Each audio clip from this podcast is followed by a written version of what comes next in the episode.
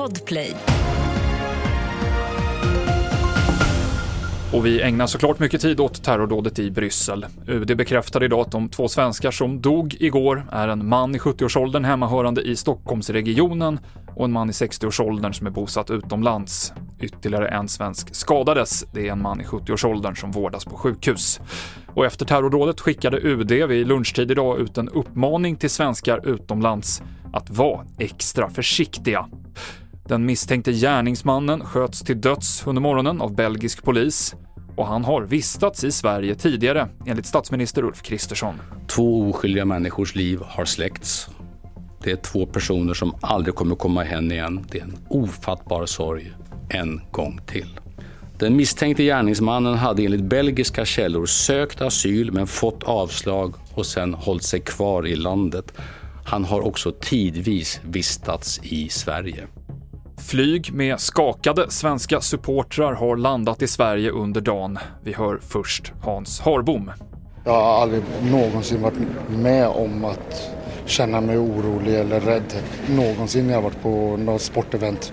Det gör det hela ännu sjukare. Man läser om saker och ting eh, runt om i världen som händer på TV men nu blev det så nära inpå. Liksom. Nu blev det verkligt, på riktigt. Liksom. Du är i trygghet och säkerhet eh, och tillbaka på svensk mark. Hur, hur kan du beskriva den känslan? Alltså det hade lika gärna kunnat varit jag. Eh, det, finns, vi går förbi platsen där attentatet skedde tre timmar till, innan, innan det hände. Det hade, kunnat vara värt så hem, helst oss. Sist där Andreas Richt och vi direktrapporterar fortsatt om terrordådet på TV4.se. Nu byter vi ämne till att var fjärde person har hälsobesvär på grund av jobbet. Det visar en ny kartläggning från Arbetsmiljöverket.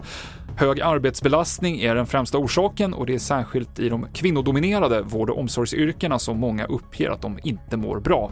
Trötthet, fysisk smärta och värk är de vanligaste besvären.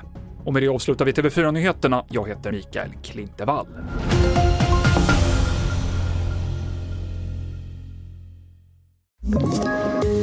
Poddtips från Podplay. I fallen jag aldrig glömmer djupdyker Hasse Aro i arbetet bakom några av Sveriges mest uppseendeväckande brottsutredningar. Går vi in med hemlig telefonavlyssning och, och då upplever vi att vi får en total förändring av hans beteende. Vad är det som händer nu? Vem är det som läcker? Och så säger han att jag är kriminell, jag har varit kriminell i hela mitt liv men att mörda ett barn, där går min gräns. Nya säsongen av Fallen jag aldrig glömmer på Podplay.